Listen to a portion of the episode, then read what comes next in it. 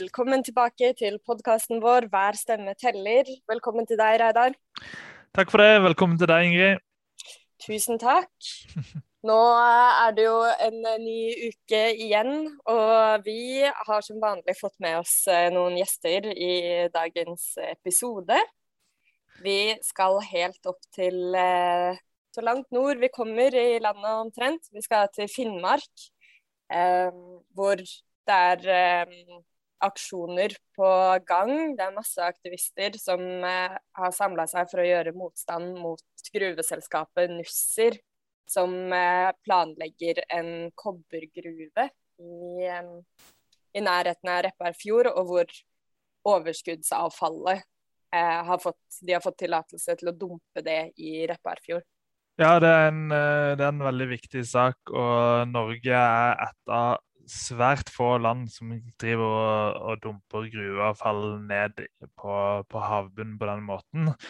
Og når du ser hvilke land eh, som, eh, som, er på den lista i tillegg til Norge, så er det ikke land vi liker å sammenligne oss med. Så eh, er Vi vet at det er en stor fare for dyrelivet på, på havbunnen. Så, så, det er en veldig viktig sak. Det, det, er jo jeg, jeg, har ikke vært oppe i, i Repparfjord, men jeg har vært i, i Førdefjorden og, og sett åssen hvordan, hvordan eh, naturen er i fare der også, som følge av, av gruve, gruveslam. Så det er en, eh, det er en eh, viktig natursak, og et, et, av de mange områdene hvor Rødt og miljøbevegelsen er enige.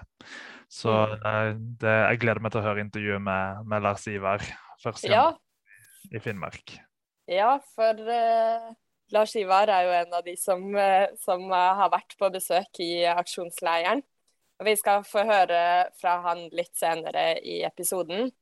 Men vi har en gjest til på vent i programmet. Og det er eh, vår nestleder Marie Sneve Martinussen, som har vært her noen ganger før. Som eh, skal fortelle litt om Rødt sin skattepolitikk. Fordi på fredag så la Marie og Bjørnar frem Rødt sitt skatteopplegg for pressen på Hotell Bristol i Oslo. Og det var jo ganske vellykka, det. Det var kjempevellykka, og det som er så gøy nå, det er at eh, Rødt har virkelig begynt å sette agendaen. Og det, det handler om at vi har fått til det vi har håpet. Posisjonere Rødt Eh, som et solid parti eh, inn mot, eh, mot, valgkampen. Og Vi har snakka mye om målingene som har gått bra nå før, før sommeren. Og det er takket være de at, at media nå syns vi er interessante. Så vi fikk masse pressedekning, masse saker i i VG og NTB-sak og kom på Dagsrevyen. Og Marie Sneve var på Dagsnytt 18 på, på fredag og, og, fikk snakke om denne planen. Og gjorde det helt fantastisk mot en, en traust og kjedelig Ap-politiker som, eh, som, hørtes ut som en, eh, en Høyre-politiker i, i, denne debatten. Så jeg vil anbefale folk å gå inn og se hvor rå Marie var i, i denne debatten. Så vi fikk sykt mye, mye, interesse for vår skattepolitikk, og det er jo det vi har håpet. Vi er jo et av de få partiene som ønsker, ønsker oppmerksomhet rundt at vi ønsker å øke skattene. Eh, og nå skal vel Marie kanskje si litt mer om, om eh, hvem vi skal øke skattene for, og hva vi skal bruke penger til, i intervjuet som kanskje kommer omtrent nå. Her eh, kommer intervjuet med Marie, som jeg snakka med på fredag, rett etter fremlegget for pressa. Da har jeg fått med meg Marie Sneve Martinussen, vår eh, nestleder og førstekandidat for Rødt i Akershus. Hei, Marie. Hei, Ingrid. Du, I dag så har jo du og Bjørnar dere har lagt frem Rødt sitt helhetlige skatteopplegg for stortingsperioden på en pressekonferanse. Og Kan ikke du fortelle litt om hvorfor har dere gjort det? Det er jo fordi Rødt ønsker jo eh, å utvide fellesskapet med nye, viktige velferdsreformer, sånn som f.eks. gratis tannhelse, som vi snakker om på inn- og utpust eh, hele tida. Og da er jo det første folk lurer på, er hvordan skal man betale for det. Og Derfor så har vi eh, lagt fram det som er Rødts politikk, for å nettopp betale for de her velferdsreformene. Gratis tannhelse er noe som stadig flere partier nå har kasta seg på og syns er veldig viktig. Men for de andre partiene så blir det fort litt sånn puslete, fordi man nettopp ikke har pengene til å gjennomføre det. Og det vi har lagt fram i dag, eh, er egentlig en plan som viser at man kan få gratis tannhelse i løpet av eh, denne stortingsperioden, altså på fire år. Så eh, vi viser egentlig da hvor de pengene skal komme fra i det skatteopplegget som vi har lagt fram i dag. Men det er jo ikke første gang vi er ute og snakker om Rødt sin skattepolitikk. Så hva, hvorfor er det viktig å gjøre akkurat nå? Det er jo litt som andre partier gjør òg, f.eks. Arbeiderpartiet i vår. De har jo kommet med et slags eh, skatteløfte, der de sier eh, hvor mye skattene eh, skal øke hvis de får bestemme i Norge. Og vi er jo veldig måte, uenig i det skatteløftet fra Arbeiderpartiet, for da mener vi at da har du liksom sagt at ramma for hvor mye bra en ny regjering kan gjøre, den er ganske liten. Fordi vi rett og slett ikke kommer til å rå. Og da ender man opp sånn som Arbeiderpartiet med å si at ja, vi kan godt ha litt bedre tannhelse kanskje for alle dem som eller for dem som har det absolutt, absolutt verst, men vi kan ikke ha noe stor universell tannhelsereform for alle. Uh, og Derfor så mener vi at det er viktig å vise at det er et politisk valg om man uh, har råd til de tingene. Og eh, basert på arbeidsprogrammet da, som Rødt vedtok på landsmøtet sitt uh, i vår, så har vi lagt fram en, uh, en plan som vi mener at, uh, viser at det er veldig mye større handlingsrom enn det Arbeiderpartiet legger til grunn. Mm. Men Marie, skatt er jo, er jo et veldig stort tema og stort felt. Og de pengene skal jo hentes fra veldig mange forskjellige steder. Og en av de tingene dere har snakka om i dag, er jo det med selskapsskatt. Og det er kanskje ikke noe Rødt har vært ute og snakka så mye om tidligere. Kan ikke du fortelle litt om det? Ja, altså det er, jo, eh, det er jo sånn Når man snakker om skatt, så blir alle veldig opptatt eh, av eh, hva har det å si for meg. Og Det er jo litt viktig å huske på at noen av de viktigste liksom, reglene i Rødts skattepolitikk er at vi ikke ønsker å øke skatten på folk som tjener under 600 000. Og så har vi et forslag som innebærer ja, et par tusenlapper i økning for dem som da tjener mellom 600 000 og 1 million. Og de største skatteøkningene kommer for folk som den 1 rikeste, dvs. Si de som tjener over 2 millioner eller har over 10 millioner i formue. Og Det er alt som innebærer inntektsskatt og formuesskatt og for så vidt utbytteskatt og sånt. Men så er det jo en del skatter som ikke betales av folk, men av selskaper. Eh, Bl.a. denne selskapsskatten. Og Der mener vi at det er et veldig stort rom for å øke inntektene til fellesskapet. Fordi selskapsskatten den betales på overskuddet i selskapet. Det betyr, at hvis du er en, ja, en, butikk eller en bedrift som har uh, drifta et helt år, så har du trukket fra alle kostnadene dine til ansatte og lønninger og investeringer du har gjort og rentekostnader, alle kostnader du har, så sitter du igjen med et overskudd, og så betaler du skatt av det overskuddet. Den skatten har eh, blitt kraftig redusert de siste årene. Den var på 28% i 2013 og er nå på 22% Så det betyr at eh, selskaper som går med store overskudd, sitter på en måte igjen med mer av overskuddet sitt til eh, seg sjøl. Men husk at seg sjøl i selskapets eh, eh, forstand er jo egentlig eierne. Så mesteparten av dette overskuddet går jo til utbytte til eierne. Og vi mener at eh, det er veldig på tide å på si, reversere noe av de kuttene, altså øke selskapsskatten igjen. Fordi eh, vi ser at vi trenger penger til felles velferd, men ikke minst fordi vi har hatt en koronakrise der noen selskaper har slitt veldig. Og de vil jo ikke betale noe skatt, for de går jo da kanskje i underskudd eller, eller helt i null. Mens noen selskaper har tjent veldig mye penger, sånn som f.eks. dagligvarebransjen, som har hatt enorme overskudd. Så det å øke skatten på overskudd er egentlig ganske lurt for å kunne skille mellom selskaper som, eh, som har kjempestor fortjeneste, og selskaper som eh, bruker rett og slett alle pengene de tjener på eh, lønn til de ansatte og investeringer. De vil ikke betale eh, noe skatt som helst. Så det vi har lagt fram i dag, er en plan om å øke selskapsskatten med 1 prosentpoeng i året denne fireårsperioden. Og det vil alene da finansiere helt gratis tannhelse for absolutt alle i Norge. Uansett alder, inntekt, eh, kjønn eller legning. Det høres ut som en kjempelur plan, men det er kanskje ikke eierne av selskapene som er eh, de som jubler høyest for denne planen? Nei, men samtidig så eh, mener jo jeg at eh, eiere i selskaper og all, alle i Norge tjener på at vi har eh, et godt felles velferdssystem. F.eks. hvis man er et selskap som skal, eh, skal drive en butikk, eller sånt, så er man avhengig av at det er veier og at det er jernbane. Man er avhengig av at det finnes en skole, sånn at dem du skal ansette, faktisk kan masse ting. Man er avhengig av at det finnes et helsevesen, så dem du ansetter, kan bli fiksa hvis de blir syke. Man er avhengig av at det finnes sosialt sikkerhetsnett som gjør at uh, de som jobber hos deg, og for så vidt deg sjøl og din egen familie, har det godt. Så det er litt sånn uh, kunstig motsetning noen ganger synes jeg, mellom at liksom, selskaper og rike og sånt, de bare gir og gir og gir og, og får aldri. Uh, mens si, vi folk flest de bare får og får og gir aldri. Men egentlig så er det uh, litt sånn at alle er i samme båt, og alle i Norge tjener på at vi har et godt offentlig velferdssystem. Og alle i Norge bidrar også. Det er jo sånn at Det største bidraget inn til fellesskapet i Norge, det er det folk flest som står for gjennom eh, skatten på inntekta si og eh, momsen som man betaler i butikken, faktisk. Sånn at vi mener at uh, der det er rom for å hente inn mer, det er hos selskaper som da går med veldig store overskudd. Og denne planen vi har lagt til grunn nå, den vil jo gi oss penger til noe så stort og fantastisk som en tannhelsereform veldig fort.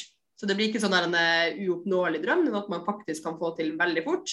Uh, og man trenger ikke å være mer radikal enn å da øke det tilbake til jeg vet ikke helt, sånn som det var i 2016-ish. Altså det er liksom, det er uh, Selskapsskatten var på 28 uh, eh, under den rød-grønne regjeringa, er nå på 22 Vi foreslår å øke den til 26% i løpet av neste fire år.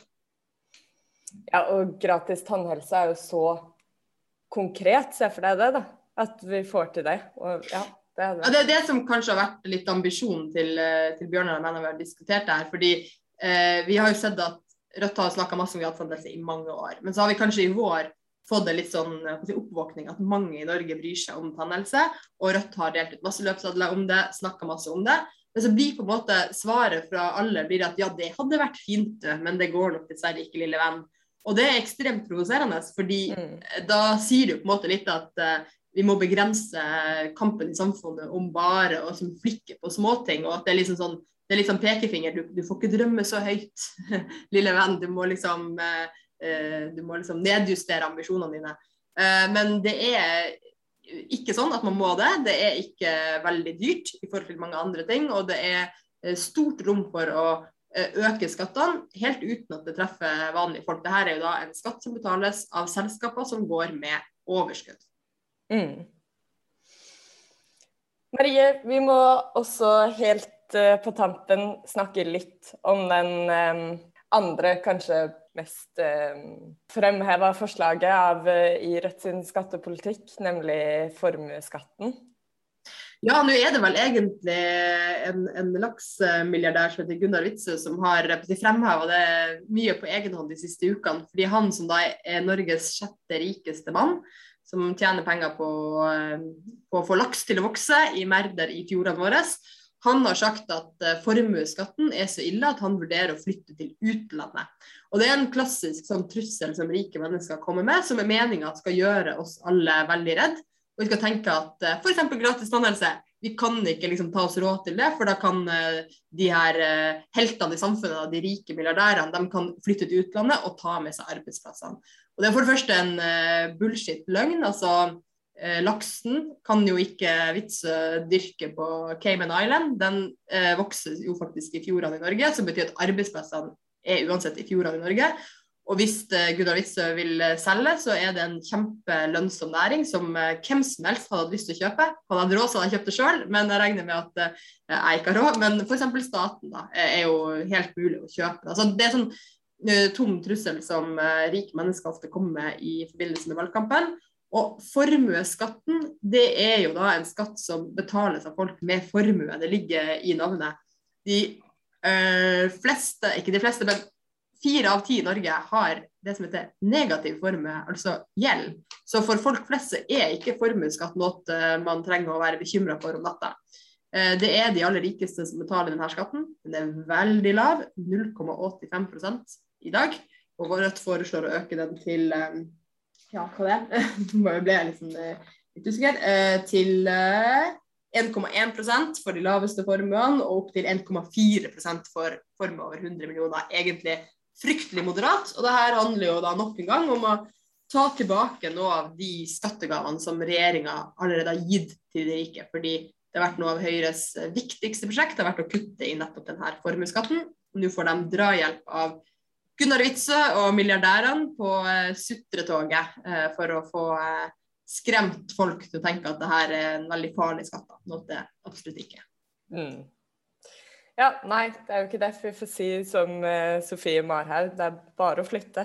Ja, altså det er jo det er jo Alle bestemmer selv hvor de skal bo, og det er jo en, en ufin måte å drive politisk kampanje på, syns jeg. Men så er det også, merker jo det at skatt er et tema som mange syns er veldig skummelt og vanskelig, fordi det er liksom store tall og ja, og, da, og, så kommer det sånne påstander, så blir folk litt sånn bekymra. Så tenker man ok, Rødt sier vi kan få gratis tannhelse, men så sier Rødt at vi må øke skattene, og da kommer de til å miste alle arbeidsplassene.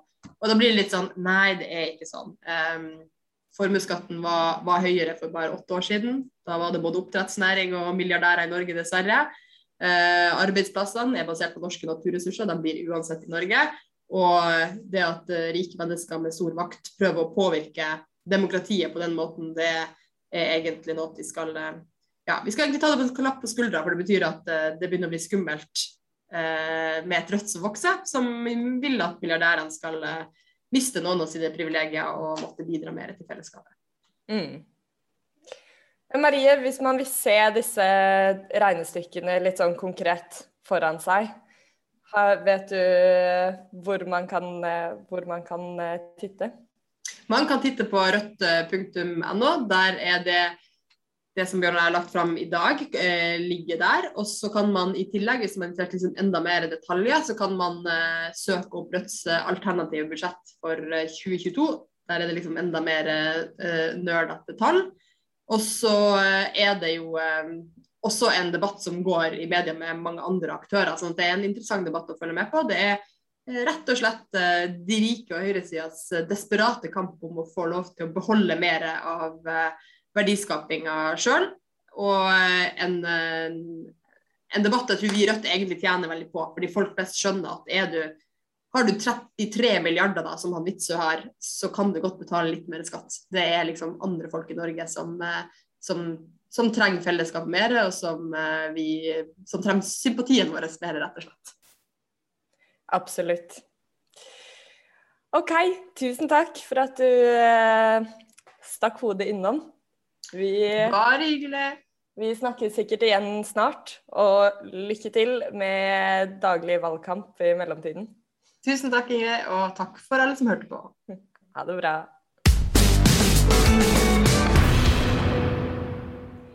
Da har jeg fått med meg Lars Ivar Være, vår førstekandidat i Finnmark. Hei, Lars Ivar. Hallo, hallo. Takk for at jeg får komme innom en gang til. Ja, velkommen tilbake. Du, du er jo en av de som har eh, vært innom i uh, aksjonsleiren ved Repparfjord i Hammerfest kommune. Uh, og det er derfor uh, jeg gjerne ville ha deg med her i dag, for å snakke litt om hva det er som egentlig skjer ved Repparfjord. Kan ikke du fortelle litt om hvorfor, hvorfor er det en aksjonsleir der, og hva er det det planlegges å aksjoneres mot? Det er jo en aksjonsleir der nå, i hovedsak fordi at uh, regjeringa har gitt tillatelse til at et gruveselskap som heter Nussi Rasa, at de skal få lov til å dumpe gruveavfall i et såkalt sjødeponi i, i Repparfjorden like utafor gruveområdet. og de antar jo at denne gruva har nok kobber til at den kan driftes i 25-30 år. Uh, og det skal dumpes sånn ca. 2 millioner tonn gruveavfall i uh, sjødeponiet hvert eneste år. Så da snakker vi jo potensielt 60 millioner tonn gruveavfall. Det her gruveavfallet er jo ikke bare eh, grus og stein eh, som eh, kanskje ikke ville ha påvirka dyrelivet nevneverdig. Men i de her gruverestene så finner vi finmalte tungmetaller og andre metaller. men også en del kjemikalier som brukes i utvinninga av kobber. Eh, og her er jo både fagfolk og vanlige folk uenig i hva slags konsekvenser vil ha for denne fjorden. Eh, det, fjorden her har status som en nasjonal laksefjord og et viktig gyteområde for kystlaksen. Og det vi vet allerede om sjølaks, er at den er i stor risiko for overfiske Eh, og Da er det litt merkelig at et eh, såpass viktig gyteområde for kystlaksen settes i risiko. Eh, det er òg en del som mener at de rapportene som er gjort på området, og som da har konkludert med at sjødeponiet er trygt, mener at de her målingene på vannstrømmene er feil. Eh, at de er gjort på et tidspunkt hvor vannforholdene var særskilt gunstig. Uh, og da Spesielt de som har tilhørighet til området, sier det at det her stemmer ikke. Og at utslippene er bagatellisert av beslutningstakerne. Og I tillegg til at vi, når vi snakker om fiskeforvaltning, som er, er viktig i dette området, så er det et eh, veldig viktig moment også at Sametinget har gått imot både gruva og sjødeponiet. og Det er pga. at eh, regjeringa ikke har lytta til innsigelsene fra, fra Sametinget. Og Innsigelsene går jo på at eh, gruva og sjødeponiet vil påvirke samisk eh, fiskeri, som foregår i stor grad i dette området og reindriftsnæringa i, i dette området. Det er jo, det er to reinbeitedistrikt som opererer i disse områdene og bruker det som både beite- og flytteområder. Um, men også, også kalving. Mm. Og da totalt så, så er det eh, årsaken til, til, at det aksjoneres eh, i Repparfjorden nå.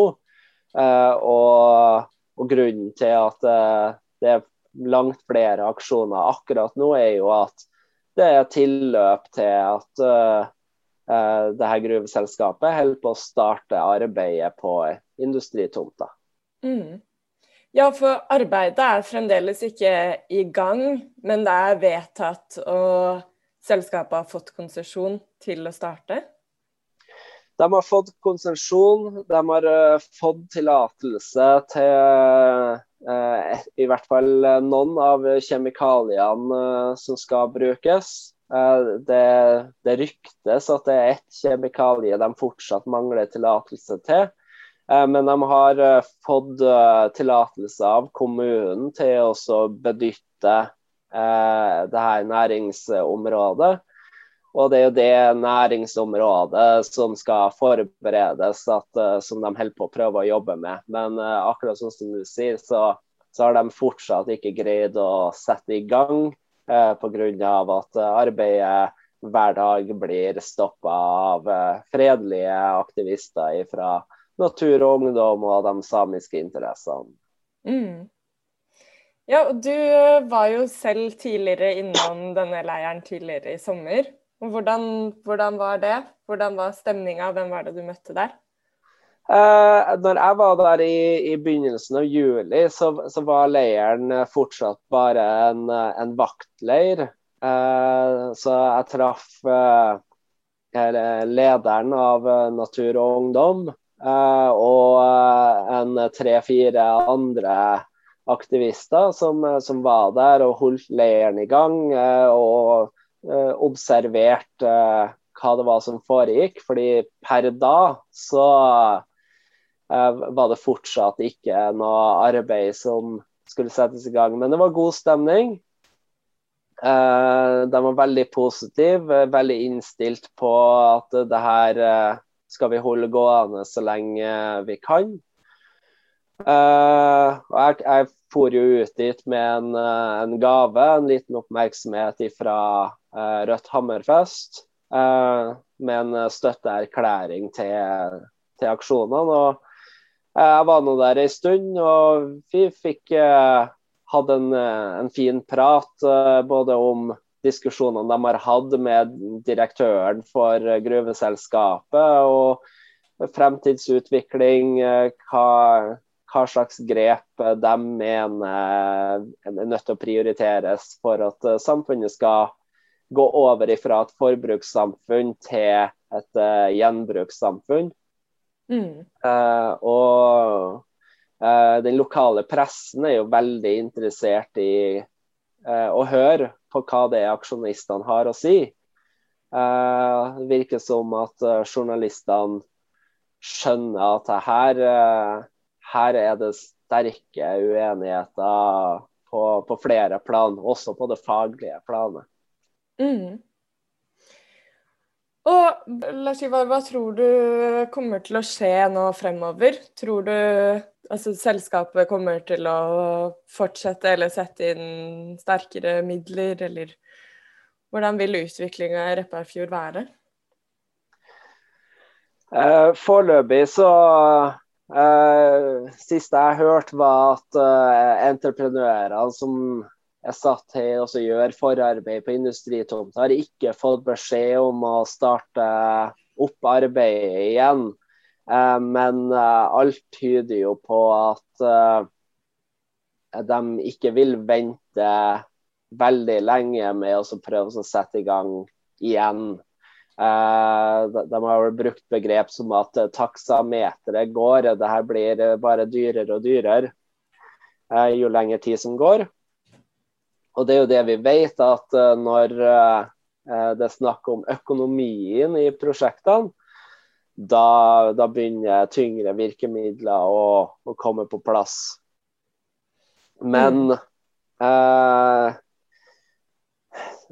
det, det, er jo to, to mulige scenarioer her. og det, det, ene er jo at arbeidet blir gjennomført om så med makt. uh, eller med, med assistanse fra, fra politiet. Eller at uh, aksjonistene faktisk lykkes i å utsette det her arbeidet lenge nok til at uh, det fra et politisk nivå er faktisk mulig å gjøre noe med saken. Mm. Um, fordi det er jo mange som uh, tenker at den gruva kan driftes annerledes uten det her sjødeponiet. Og uten sjødeponiet så, så virker prosjektet langt mer lovende. Men da må man tørre å se på alternative løsninger eh, for hva, hva, man gjør med avfallet om det kan fylles tilbake igjen inn i, i gruvegangene, eller om eh, man kan bruke andre eh, lagringsløsninger. Eh, for det er jo det, det, interessante med selve begrepet deponi. Betyr jo midlertidig lagringsplass. Mm. Skal ryddes opp i senere, men Ja, det var jeg ikke klar over. Nei.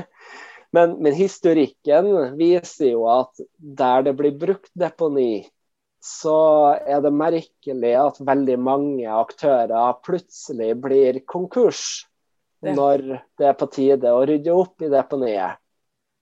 Eh, og det, det, heter seg jo at eh, de her aktørene skal uh, sette til side en viss andel økonomiske midler som er øremerka til opprydding, men uh, det var ingen som rydda opp i Repparfjorden når Folldal Verk la ned på slutten av 70-tallet.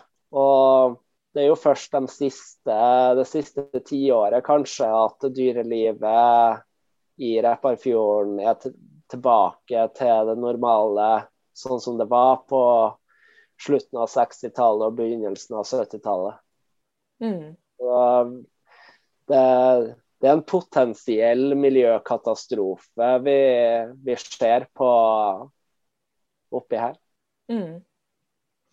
Ja, det sier jo litt om eh, hvor viktig det arbeidet til aktivistene er også. Det virker jo som at eh, de holder koken godt med både konserter og ja, en liten minifestival i leiren.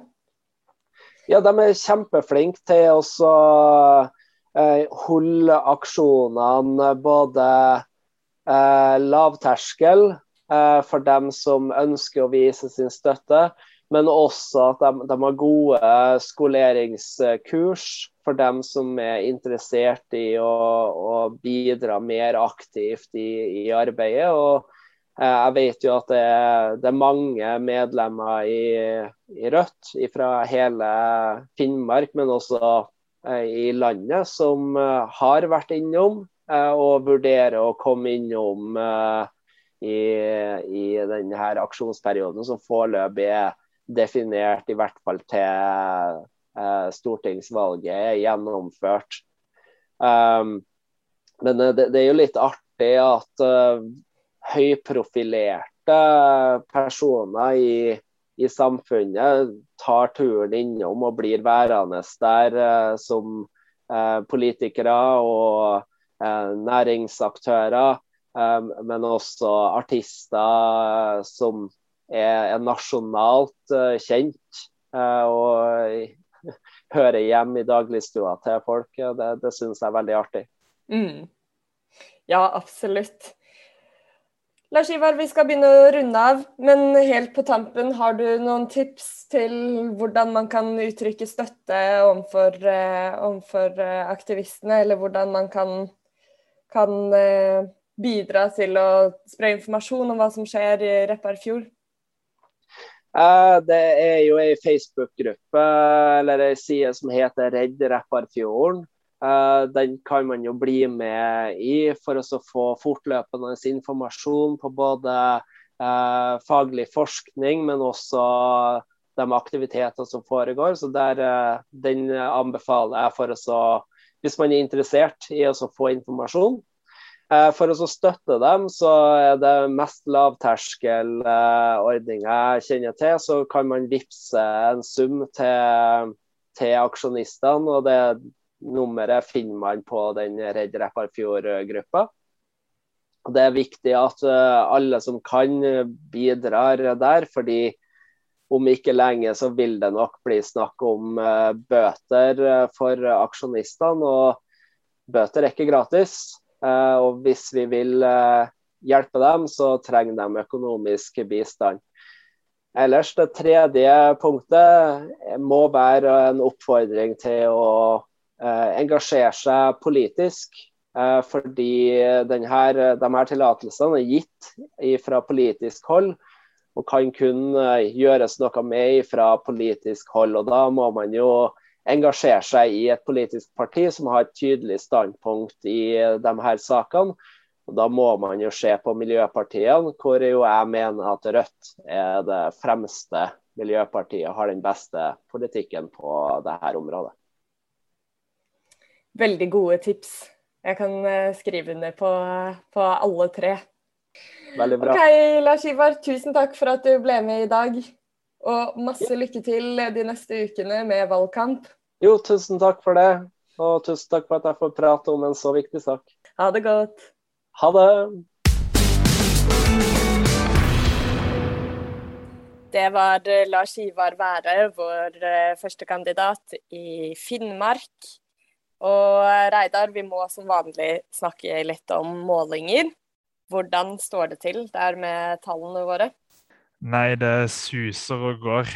Rett og slett. Det går veldig bra for oss om dagen. Så det er veldig gøy. Nå ble jeg plutselig i tvil om, om eh, hva vi snakka om i forrige episode, men det har jo kommet noen, noen eh, lokale målinger som, eh, som, har gått veldig bra. Så det begynte jo med, med denne fenomenale målinga i Buskerud, hvor vi fikk 6,1% Så har vi fått solide målinger i Nord-Trøndelag og Sør-Trøndelag, eh, hvor eh, vi går tydelig opp fra 2019 fylkestingsvalget. Uh, og hvor, hvor, de virkelig er med, er med å bidra til å løfte oss over uh, sperregrensa. Hvor eh, Sør-Trøndelag er med og kjemper med Høyre om å få siste direktemandatet. Så, så Hege Bae Nyholt, som har vært intervjua her, hun hun nærmer seg stortingsplass med den målinga. Så har det kommet en lokal måling fra Møre og Romsdal, som eh, uten tvil er et av de vanskeligste eh, et av de vanskeligste fylkene våre å, å jobbe mot. Det er et litt sånn konservativt fylke og litt, litt ulike grunner. Det er jo der Sylvi Listhaug har sin, sin fanbase. Så eh, det kom en måling der som ga oss 3,5% Det er nesten tre ganger høyere enn en stortingsvalget i 2017. Uh, eh, så det er det, fantastisk. Når vi nærmer oss 4% i Møre og Romsdal, da klarer vi sperregrensa. Såpass, uh, såpass kan jeg si. Så det er veldig gøy. Så kom det to nasjonale målinger. Først en nå på lørdag, i Klassekampen.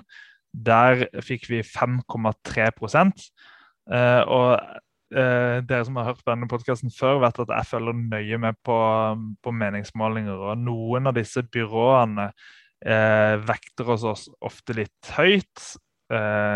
Eh, hos TV 2 for eksempel, så får vi ofte litt bedre målinger enn det vi gjør hos NRK. Uh, og Klassekampen er gjerne der vi har pleid å ha nesten dårligst målinger av alle de ulike eh, byråene som driver med sånne meningsmålinger. Eh, men nå har vi hatt tre gode på rad i Klassekampen. Først tror jeg det var 5,5% så var det 6% som var rekord i Klassekampen. Og så var det ned på utrolig svake, nei, eh, fortsatt veldig veldig gode. 5,3 eh, nå, på, nå på lørdag. Eh, så eh, tenkte vi kanskje at eh, nå begynner det å måtte komme kanskje en nedtur snart, eller Eh, så fikk vi vite i dag eh, at Altså mandag. Mandag 9. august. Viktig dato å notere seg. At vi har fått den høyeste oppslutninga noensinne i en TV 2-måling. Jeg nevnte nettopp at TV 2 ofte måler oss høyt, men de har aldri målt oss så høyt som de gjorde i dag. Nemlig Det det er nesten for vilt til til å si det. 7 og en halv prosent. Ja, det er vilt. Det er helt sjukt. Og uh, jeg satser pengene mine, alt jeg har, på at vi ikke ligger på 7,5% akkurat nå. Men eh, 7,5% på meningsmålinga til TV 2 viser at vi virkelig eh, suser og går. At eh, pilene peker oppover, at det ser veldig lovende ut akkurat nå. Eh, så det er all grunn til optimisme eh, og all grunn til å se på den målinga og bli gira og få lyst til å gjøre en ekstra innsats. Eh, så sier jeg ikke at det er umulig å komme seg på 7,5 før, før valget. Det, det, er en lang vei å gå. og, og det, kan, det, skal mye til at vi, vi når så høyt. Men det er ikke umulig. Og når én måling viser at vi ligger der, så gir det grunn til, til, å kunne jobbe eh, med det som en eh, ambisjon. Mm. Vi må ikke bli skuffa om vi, vi, havner på liksom ja, 4,5-5 eh, på, på valgdagen, men, men den målinga viser at vi har muligheten til å komme høyere. Absolutt. Ja, det jo, gir jo en kjempeboost på motivasjonen. Og så får jeg si som du pleier å gjøre, da. Vi må ikke hvile på laurbærene av den grunn. Vi må fortsette å stå på nå de siste ukene. Og allerede i dag, hvor denne podkasten legges ut, 10.8, så åpner muligheten for å forhåndsstemme. Eh, og det kan jo være verdt å, å få med seg, og også eh, informere venner og bekjente om. Folk er jo kanskje ute og det er jo korona, så kanskje ikke så mange er utenlands på valgdagen akkurat i år. Men eh, det er jo flere grunner til at man ikke har mulighet til å stemme på valgdagen. Da er det fint å vite at nå er det mulig å gå og forhåndsstemme. Absolutt. Jeg har jo alltid hatt som mareritt å brekke et bein på valgdagen, Har utsatt det til jeg skal stemme klokka syv, og så skal jeg på valgvake, og så brekker jeg beinet, og så må jeg til legevakta, og så plutselig får jeg ikke stemt, og så mangler vi den ene stemmen. Mm. det, er liksom, det, er sånn jeg ikke får sove om natta og tenke på. Så Eh, få det gjort. Del bilder at du har stemt i sosiale medier. Skriv, Kom med en grunn til hvorfor du mener det er viktig at, eh, at eh, Rødt gjør det bra. Da får mange av vennene dine sett det, som, som, er noe av det viktigste du kan gjøre for å, for å spre Rødt budskap rundt og få flest mulig til å stemme på, på Rødt. Så, så, gjør det, så tror jeg, tror jeg at det blir en særs hyggelig, hyggelig valgdag. Mm. Og helt på tampen, Reidar, for de som har holdt ut uh, gjennom hele episoden helt hit, så må vi også dele en uh, liten overraskelse, gladnyhet. Og det er at alle Rødt-medlemmer må følge med i postkassa nå i løpet av de neste dagene. Fordi det kommer uh, en, en liten gave til alle sammen. Det gjør det. Det kommer en, en fin liten gave. Eh, noe som er praktisk og kan eh, benyttes f.eks. når du er ute og handler, eh, med et flott rødt budskap. Og dere får med dere i denne pakka så får dere med dere noen gode tips til hvordan dere kan bidra både stort og smått for å, for å, få Rødt til å lykkes i denne valgkampen. Så eh, følg med. Les grundig og, og gjennomfør alle tipsene som står i, i brevet. Mm. OK. Takk for i dag, Reidar. Vi høres igjen eh, neste uke. Det gjør vi. Åh, det, det er spennende. Ja, det er spennende.